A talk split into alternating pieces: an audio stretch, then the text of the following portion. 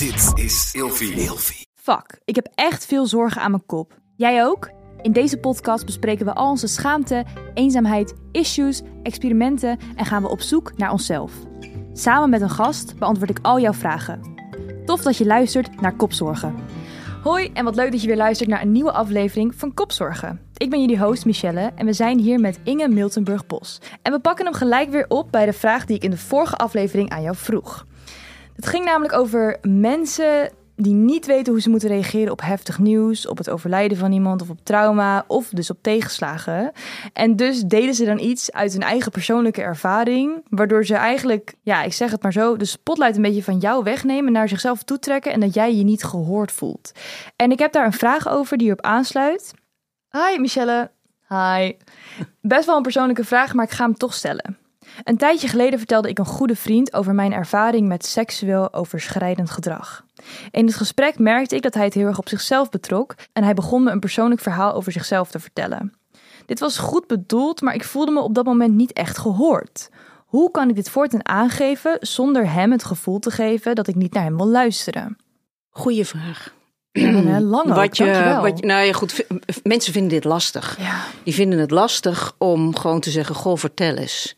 Ze willen gelijk met een oplossing komen. Ehm, en dan beginnen ze uit hun eigen database iets te, iets eh, te halen. Eh, van nou, de buurvrouw heeft het zo opgelost, of die heeft dat gedaan. Of, hè, eh, in plaats van dat jij dat ze gewoon tegenover je gaan zitten, naar je luisteren. Wat je kan doen, is dat van tevoren aangeven. Eigenlijk zo van, je hoeft geen oplossing te bedenken, want die is er niet. Maar ik wil gewoon iets tegen je aanhouden. Wil je even naar me luisteren? Oh, mooi. Want jij schreef ook in je boek dat je dat heel vaak Oh meemaakte. Ja. Zei je dat toen ook? Of kwam je er toen pas achter van... hé, hey, ik moet even aangeven van tevoren... dat ze niet gelijk met zo'n persoonlijk verhaal hoeven te komen? Ik, nou, het ligt een beetje aan wie je tegenover je hebt zitten. Als het iemand is die belangrijk voor me is, een goede vriend of vriendin of, of familie, dan zeg ik dit. Zo, je hoeft geen oplossing te geven. Maar ja, ook wildvreemden. Die je natuurlijk zeker als je het eh, hebt, hè, heel naar zo als zelfdoding, daar hebben mensen natuurlijk een oordeel over. Dat vinden mensen heel ingewikkeld. Maar het zegt meer iets over de ander dan over jou. Hebben ze daar een oordeel over of vinden ze gewoon lastig om erover te praten? Nou ja, hij wilde het toch zelf? Nee. Ja, die heb ik heel vaak gehoord. Ja. Nee. Zo van, oh nee, jij bent verdrietig. Maar ja, hij wilde het zelf, dus Dus het is oké. Dus we gaan door. Ja, dus alsof mijn verdriet er niet mocht zijn.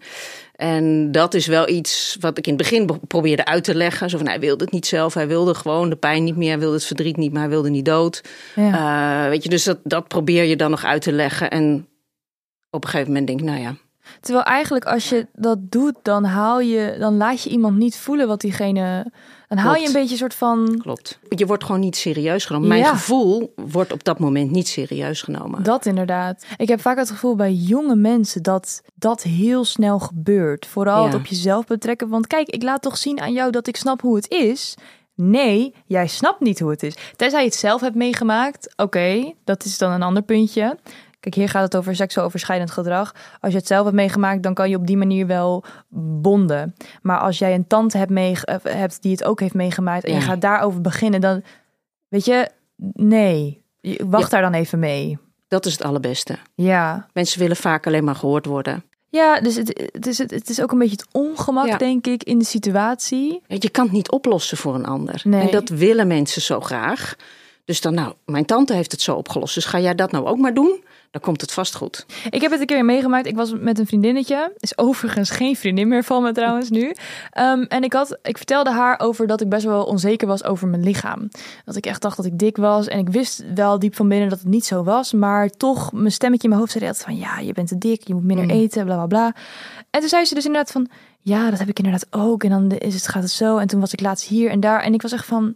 Ja, Weet je, hè, inderdaad, ik wilde alleen maar gehoord worden. Dus ik zei toen ook tegen haar van... Hé, hey, maar eigenlijk wilde ik iets vertellen. En oh, ik, ik, kon, ik kreeg er mijn slot niet uit. Omdat ik het gevoel had van... Oh, maar jij hebt het ook, dus ik mag nu niks van zeggen. Terwijl ik me heel erg niet gezien voelde door haar. ja. En ik vond het zo ongemakkelijk. ehm, omdat ik ook dacht van... Ja, maar dit is, zo ga je toch niet... Maar zoveel mensen doen dit. Ja. Dus ik wist niet wat ik op dat moment eh, anders had kunnen doen of zo. Dus, maar jij zegt dus van tevoren aangeven van... hé, hey, ik wil je iets vertellen, maar de, soms komt het ineens vanzelf, Ja, weet je wel. je mag mensen daar natuurlijk best op aanspreken. Zo van, joh, eh, als iemand dan ineens over zichzelf begint, Dat je zegt, ja, maar ik begrijp het wel, maar dit is, dit is zoals ik het voel. Ja, is lastig om Ja. je kwetsbaar op te stellen. Zie het ongemak op mijn gezicht al? Ja, Bij- ja.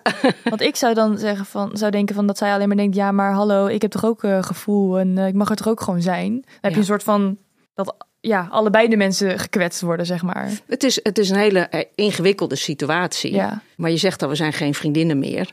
Op zich, Kwam ook wel daardoor. Dus ik was ook wel een beetje van, ja, Jeff, jij snapt mij niet. Want ik ben zelf heel erg dat als iemand mij iets vertelt over een trauma, dan ben ik gewoon stil. Mhm. En ik zeg niet van, eh, ik zeg eigenlijk altijd wat erg voor je dat dat is gebeurd. nou, vind ik dat, dat, is het ik beste vind wat je kan zeggen. Ja, ik vind het zo erg dat ik dit, dat dit is gebeurd en dat het Ja. jou is overkomen. En toen had zij, ze had ook seksoverschrijdend gedrag en nu heeft ze een vriend. En toen zei ik, en ik ben heel blij voor je dat je nu een vriend hebt waarbij je wel je op je Ja. gemak voelt. En er zat een vriendin van mij naast, want die was helemaal in paniek en die dacht, wat gebeurt hier? en toen, toen zei ze van de laatst later van, ja, maar hoe reageer jij dan zo? Jij snapt zo goed hoe je moet reageren. Maar toen dacht ik, ja, als je zelf veel trauma en tegenslagen hebt meegemaakt, dan kan je er ook beter mee omgaan bij anderen. Want dan vind je het allemaal niet zo zwaar of gek meer. Maar heb jij het gevoel dat het je ook weerbaarder maakt? Hoe meer je meemaakt, of dat het je juist kwetsbaarder maakt? Veel tegenslagen. Dat is een keus. Dingen overkomen je. Zo werkt het nou eenmaal in het leven. Maar je hebt de keus hoe je ermee omgaat. En de een kiest om er sterker door te worden en gaat op zoek naar wat hij of zij nodig heeft om daar kracht in te vinden. Ja, en er zijn mensen die de rest van hun leven huilend in een hoekje blijven zitten. Ik heb hier een vraag over. Ik merk vaak dat ik er niet goed mee om kan gaan als ik tegenslagen ervaar. Het voelt alsof er een hele dunne lijn zit tussen je gevoel er laten zijn en tegelijkertijd niet zwelgen in zelfmedelijden. Heb jij een tip om hier meer balans in te krijgen? Dus het relativeren, maar tegelijkertijd niet bagatelliseren van je gevoelens en gedachten. Ehm, het is belangrijk dat je wel dat gevoel aangaat. Dus echt, weet je, huil, doe iets om dat gevoel eruit te laten komen, als het ware. Volgende stap is wel om bewust te worden wat je tegen jezelf zegt. Als je de hele tijd tegen jezelf zegt, het is heel erg. Het is echt heel erg wat jij hebt meegemaakt. Het is echt niemand en niemand kan het zo erg meemaken als ik.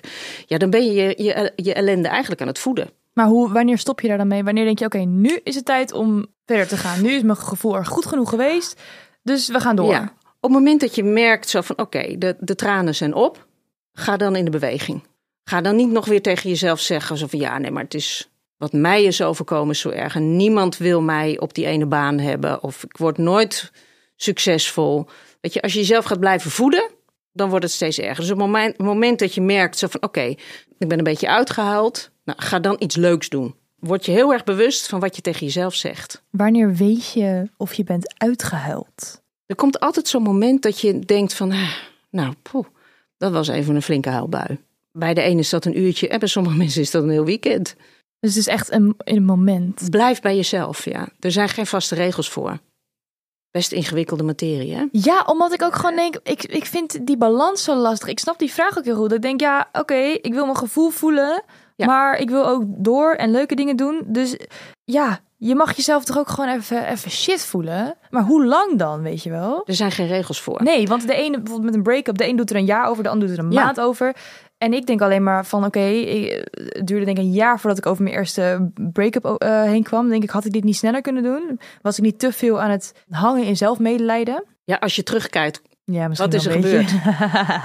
ja, misschien wel een beetje. Ja. Ja. maar goed, het is je eerste relatie. Maar dat zijn wel de dingen waar je van leert. Als je dan terugkijkt, zo van hoe ben ik daarmee omgegaan? Oké, ja, toen ging ik wel heel erg iedere keer, ik noem wat langs huis fietsen of nog een keer op zijn Instagram kijken. Ja, hè? Ja, ja, ja, ja, oké, doe dat niet. Ga jezelf niet zitten voeden met ellende. Dat, er, is, er is echt nog nooit iemand beter van geworden. Nee, echt wel. Je leert echt van de dingen die je doet. Ja, Hey, we gaan door met de volgende vraag.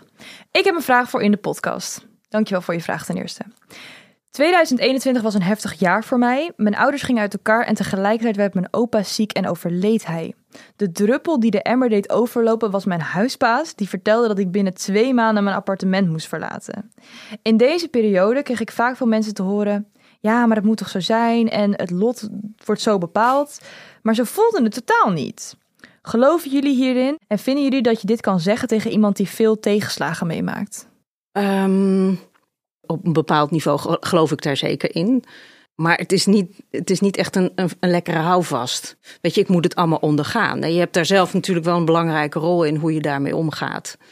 Ehm, en ja, als je uh, zoveel jaar verder bent, dan denk je, wow, weet je, ik heb wel veel geleerd in die periode. En voor de een werkt dat om er op die manier naar te kijken. Zo van, ik zie het als een periode in mijn leven waar ik veel in kan leren.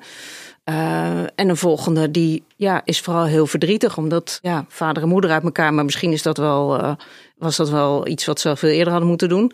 Uh, maar het verlies van opa is misschien wel heel heftig. Ja, maar als je op een gegeven moment inderdaad ook zo oud bent of die leeftijd bereikt, dan kan ik wel begrijpen dat iemand zegt het moet zo zijn. En toen ik bijvoorbeeld niet aangenomen werd voor in dit geval dan mijn droomstage, toen zei mijn zus: Rejection is God's protection. En toen dacht ik, wat bedoel je daar nou mee? Want ik wilde dit toch heel graag. Nou, ja. uiteindelijk zit ik hier. Dus ik, ik wou net zeggen, weet je, als je er op die manier naar kunt kijken. Je had die droomstage. Nou, uiteindelijk zit je hier. Ik vind het best een gave plek. Ja, zeker. En zo kan je er naar kijken. Zo van, jeetje, ja. je leert hier hartstikke veel. Je hebt, uh, ik zie die boeken achter je. Je hebt volgens mij al hele gave gesprekken gehad met mensen. Ja, voor de mensen die trouwens, we zitten in de studio en we worden gefilmd. Dus uh, wil je nou meekijken, check dan Instagram of TikTok, Kopzorgpodcast. Even tussendoor. Ik vind het wel, um, ik, ik, ik, ik snap dat op zich wel. Maar als er inderdaad allemaal dingen gebeuren en je hebt het gevoel. Ik denk dat het ook een stukje is van controle. Hoeveel controle pak jij of hoeveel rigide voel jij in je leven, zeg maar? Dus had jij het gevoel dat jij toen je die situaties meemaakte, dat je de controle ook kwijt was op dat moment? In eerste instantie wel, ja. En hoe voelde ja. dat? Hoe was dat gevoel? Weet je, je kijkt in de spiegel en je herkent je eigen ogen niet. Je kijkt naar je handen en denk je van wie zijn die? Je komt in de supermarkt en denk je ja, ik ben hier al honderd keer geweest. Maar je gaat ook denk ik wel je leven ineens heel anders leven. Ik ben wel veel bewuster met mijn tijd omgegaan. Dat schreef je volgens mij ook in je boek. Ja. Hoe, ja. hoe ziet dat eruit? Nou weet je, tijd is het meest kostbare wat we hebben. Je kan het maar één keer uitgeven, je kan het nergens kopen. Um, dus het is heel belangrijk dat jij daar de verantwoordelijkheid voor neemt hoe je het uitgeeft, wat je ermee doet. Er komt een dag en dan lig ik ook op de bedje en dan ga ik mijn ogen dicht doen. En dan kan het niet zo zijn dat ik denk, had ik maar. Maar je voelde je ook machteloos? Op sommige momenten wel, ja. Dat lijkt me ja, veel intenser. In het begin. Ja. Vooral heel erg in het begin. En ook, weet je, ik beschrijf dat ook in mijn boek. Er zijn momenten dat je denkt, nou, het gaat wel weer. Ik heb het wel weer een beetje op de rit. En dan gebeurt er iets. Ik, hoor, ik zie iemand lopen of ik hoor een liedje. En dan is het net alsof er een dikke olifant bovenop je gaat zitten. En dan kan je geen kant meer op. Dan ben je gewoon voor je gevoel terug af. Dat is niet zo. Maar dan ben je gewoon weer even helemaal naar de kloten. Ja, het is gewoon en, echt zo'n trigger. Ja, en dan is er maar één manier. Weet je, dan begint het gedonder opnieuw. Ja, huilen. Ga het gevoel me aan. En bouw jezelf weer rustig aan op. En wanneer weet je dan of je echt hulp daarbij nodig hebt? Hoe weet je dat? als je merkt dat je er niet alleen uitkomt. Als je inderdaad ook somber gaat worden. Als je de neiging hebt om in bed te gaan liggen met de dekens over je hoofd en er niet meer uit wil komen. Ja, dan heb je hulp nodig. Ja. Je hoeft dit allemaal niet alleen te doen. En of het nou, weet je, mijn verhaal is natuurlijk, is natuurlijk best wel heftig. Maar ook het, het missen van die ene leuke baan. Of je verkering die uitgaat. Of Ja. wat dan ook. Het kan best zijn dat het je zo triggert, dat het je zo raakt, dat je daar eh, niet alleen uitkomt. Ga daar niet te lang mee eh, lopen rotzooien, want dat is ook zonde van je tijd. Ja, dat delen is ook echt helen. Maar wat Ja. ik ook wel interessant vind, is eigenlijk ieder mens maakt het mee. We kunnen ook door social media soms heel erg het gevoel hebben dat we de enige zijn die dit meemaken. Ja, nee, dat is eigenlijk social media. Goed, we, we zetten het allemaal in. Eh, we, maar goed, we laten alleen maar de mooie plaatjes zien. Maar nee, iedereen gaat hier doorheen. Iedereen krijgt zijn portie. En het is geheel afhankelijk hoe je daarmee omgaat. Het is altijd goed om over dit soort dingen te praten, om het wel te vermelden. Deel jij wel eens iets Eh, dan zelf? Wat zeg je? Deel jij wel zelf? Maar ja, natuurlijk, je hebt je boek geschreven, maar nu Ja. nog. Dat is, dat is alweer vijf jaar geleden. Ja. Ja, Want heb je recent nog Ja. een tegenslag meegemaakt? Nou, ik denk, ja, net als, als iedereen heb ik dat hele verhaal van de Oekraïne. eh, dat heeft er bij mij ook wel even goed ingehakt. Dat je denkt van, nou, hij doet het niet, hij doet het niet. Ja, hij doet het dus wel. Hij valt wel dat land binnen. Maar dat is toch niet En- persoonlijk voor jou? Nee, maar ehm, ik, vond, ik vind het best spannend. Eh, nu niet meer hoor, dus ik heb het nu wel weer eh, op de rit. Is nog steeds een slecht verhaal natuurlijk. Eh, maar ik heb ook te maken met cliënten van mij die daar heel erg door geraakt zijn. Die al last hebben van angsten. En die dan nu hier heel erg door getriggerd worden. Ja, als je een angststoornis hebt, dan is het niet... Dan is het helemaal, dat is helemaal niet te doen. Nou, het is wel te doen, maar het is heel ingewikkeld. Ja. We hebben nog een laatste vraag. Eh, dat vind ik wel mooi om mee af te sluiten. Ik ben 20 en ik ben nog heel erg zoekende in wat ik wil en ik loop hier constant tegenaan. Elke keer als ik denk dat ik mijn passie heb gevonden, dan blijkt dat toch weer niet zo wanneer ik er een langere tijd mee bezig ben. Ik merk dat ik het lastig vind om gemotiveerd te blijven en dat ik steeds vaker de gedachte heb dat er misschien wel niks voor mij is. Hoe gaan jullie hiermee om? Nou, ik zou ten eerste met haar in gesprek gaan. Door wat of wie denk jij dat dit jouw passie is? Is het van jou? Of zegt je moeder, kind ga dat maar doen? Of zegt je beste vriendin, ik wil het onderwijs in, misschien eh, is dat ook wel wat voor jou. En omdat je vriendinnetje dan zo blij is, dat je dan denkt, dat ga ik ook maar doen. Weet je? Dus het is uh, interessant om te kijken van wat vindt zij nou echt heel erg leuk om te doen. En wat ik met cliënten wel eens doe, is gewoon gaan kijken zo van oké, wat vond jij vroeger als, als heel klein kind, dus voordat je zeven jaar werd, wat vond jij heel erg leuk? Waar speelde je mee? Wat waren je vriendinnetjes? Was je een boekenlezer of hing je ondersteboven aan een boom? Weet je, daar, want als je heel klein bent, dan weet je nog precies wat je wel en niet leuk vindt. En vanaf groep drie uh, moet je je aan gaan passen. Dan moet je dingen gaan doen zoals de juf het zegt. En dan moet je leren lezen en daarna moet je leren rekenen. En weet je, dan moet je rekening gaan houden met anderen. En word je beloond als je het goed doet voor de juf. Of voor je vader en moeder. Dus dan ga je steeds verder bij jezelf vandaan. En het is juist wel eens leuk, zeker als je twintig bent, dan is het nog niet zo heel lang geleden, uh, om eens te kijken, wat voor kind was ik nou eigenlijk? Waar speelde ik mee? Wat deed ik? En waar werd ik nou blij van? Ja, dus eigenlijk ga je een beetje naar de kern, ga je terug naar de kern. Ja. Hè, in dit geval. Naar, naar, naar, wie, je, wie je werkelijk bent. Weet je, als je geboren wordt, dan heb je een soort blauwdruk. Daarin staat alles beschreven, zeg maar. Wat je wel en niet leuk vindt. Weet je, er zijn jongetjes die kunnen nog niet lopen, die kunnen nog niet praten, niks. Maar als ze een, een tractor zien, dan worden ze helemaal gelukkig. Mm. Dat is ook wel heel genderspecifiek. Ja, en dat proberen we allemaal een beetje neutraal te brengen nu. Maar dat, ja. ja, bij sommige kinderen is het heel duidelijk aanwezig. En er zijn ook jongetjes die heel graag met een Barbie onder de arm lopen. Ook prima natuurlijk. Maar ik kan me wel voorstellen inderdaad dat je als je dit zo vaak meemaakt, uh, elke keer denkt van ik heb iets en het is toch weer niet het geval. Dat je denkt, jeetje, inderdaad dat je een beetje hopeloos ervan wordt. Maar wat jij dan eigenlijk zegt is, ga weer terug naar de kern. Ja, ga op zoek naar wat je, wie je werkelijk bent. Ja, nou, weet jij al wie je werkelijk bent? Ja, dat wel, maar ik ben niet ouder dan jij bent. Ja, hoe oud ben je nu? ik ben net 54. En je weet precies wie jij bent en wat jij leuk vindt en wat jij ja, wil? maar ik verras mezelf ook nog. Wanneer ben je daarachter gekomen? Welke leeftijd? Toen dacht je echt van, nu weet ik het. Um, nou, dat heeft echt wat te maken met uh, het overlijden van mijn broer. Ja? Ja. Dat ik dacht van, ja, jeetje, ik ben halverwege de 40. Ik wil nu gewoon weten wat ik hier te doen heb.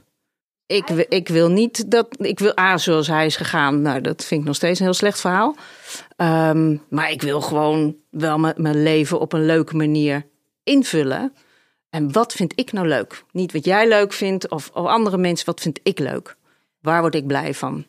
Dus eigenlijk heeft die tegenslag, en ik vind het heel ziek dat we dit Ja. als conclusie, heeft jou gevormd tot wie je uiteindelijk bent. En heeft jou ook geholpen om erachter te komen wie Ja. je bent en waar Het- jouw vuurtje van gaat branden. Het heeft mij dat setje gegeven om uiteindelijk stappen te maken die ik anders niet zou maken, omdat ik het hoe allemaal heel spannend zou vinden. En wat nu ik je dit zo hoor, denk ik inderdaad, alle keren dat ik ben afgewezen, dat het iemand Ja. met me uitmaakt, wat er iemand overleed, dan sta je toch ineens weer stil van, je wordt weer een soort van blank canvas van oké, en wat dan nu, weet je wel? Eh, Precies, precies dat. Weet je, als jij eh, iets heel heftigs meemaakt. ehm, ik, ik beschrijf het altijd zo, en heb je in mijn boek ook gelezen. We maken allemaal een tekening van ons leven. En er komt een nou, huisje, boompje, beestje. Er komen vriendjes bij en die gum je weer uit. En er komt er een nieuw vriendje of wat dan ook. Je hebt een plaatje van je leven. En dat heb je ingevuld zoals je fijn vindt. Of zoals je misschien meegekregen hebt vanuit je opvoeding. Dan gebeurt er iets. En het is net of iemand dat tekeningetje van je afpakt. Maakt er een prop van, gooit het weg. Je krijgt een nieuw velletje papier met kleurpotloden en zegt succes er verder mee. Ja, En je staat inderdaad op dat witte velletje papier en je denkt, ja, dat is lekker. En nu dan? en je wordt echt op jezelf aangewezen. Volledig. Ja, En dat is een belangrijke keuze. Ga het zelf doen of ga kijken hoe een ander het doet. En ik daag mensen uit om te doen wat jij wil. Dit is ook je kans om nou eindelijk zo in te gaan vullen zoals je altijd al hebt willen doen eigenlijk. wauw. En hoe is dat dan? Ja. Ja. hey, ik vind het wel een mooie afsluiter. We zijn echt on a good note, weet Ja. je wel. Ik had helemaal niet verwacht dat we hier naartoe zouden gaan uiteindelijk. Maar ik vind het heel mooi. Leuk. Ja. Ja, Hey, dankjewel voor je komst. heel graag gedaan. Jij bedankt voor de uitnodiging. Ja, natuurlijk. Hey, voor de luisteraar, als je nog vragen hebt, je kan ze sturen naar @kopzorgenpodcast. Bedankt voor het luisteren en tot de volgende keer.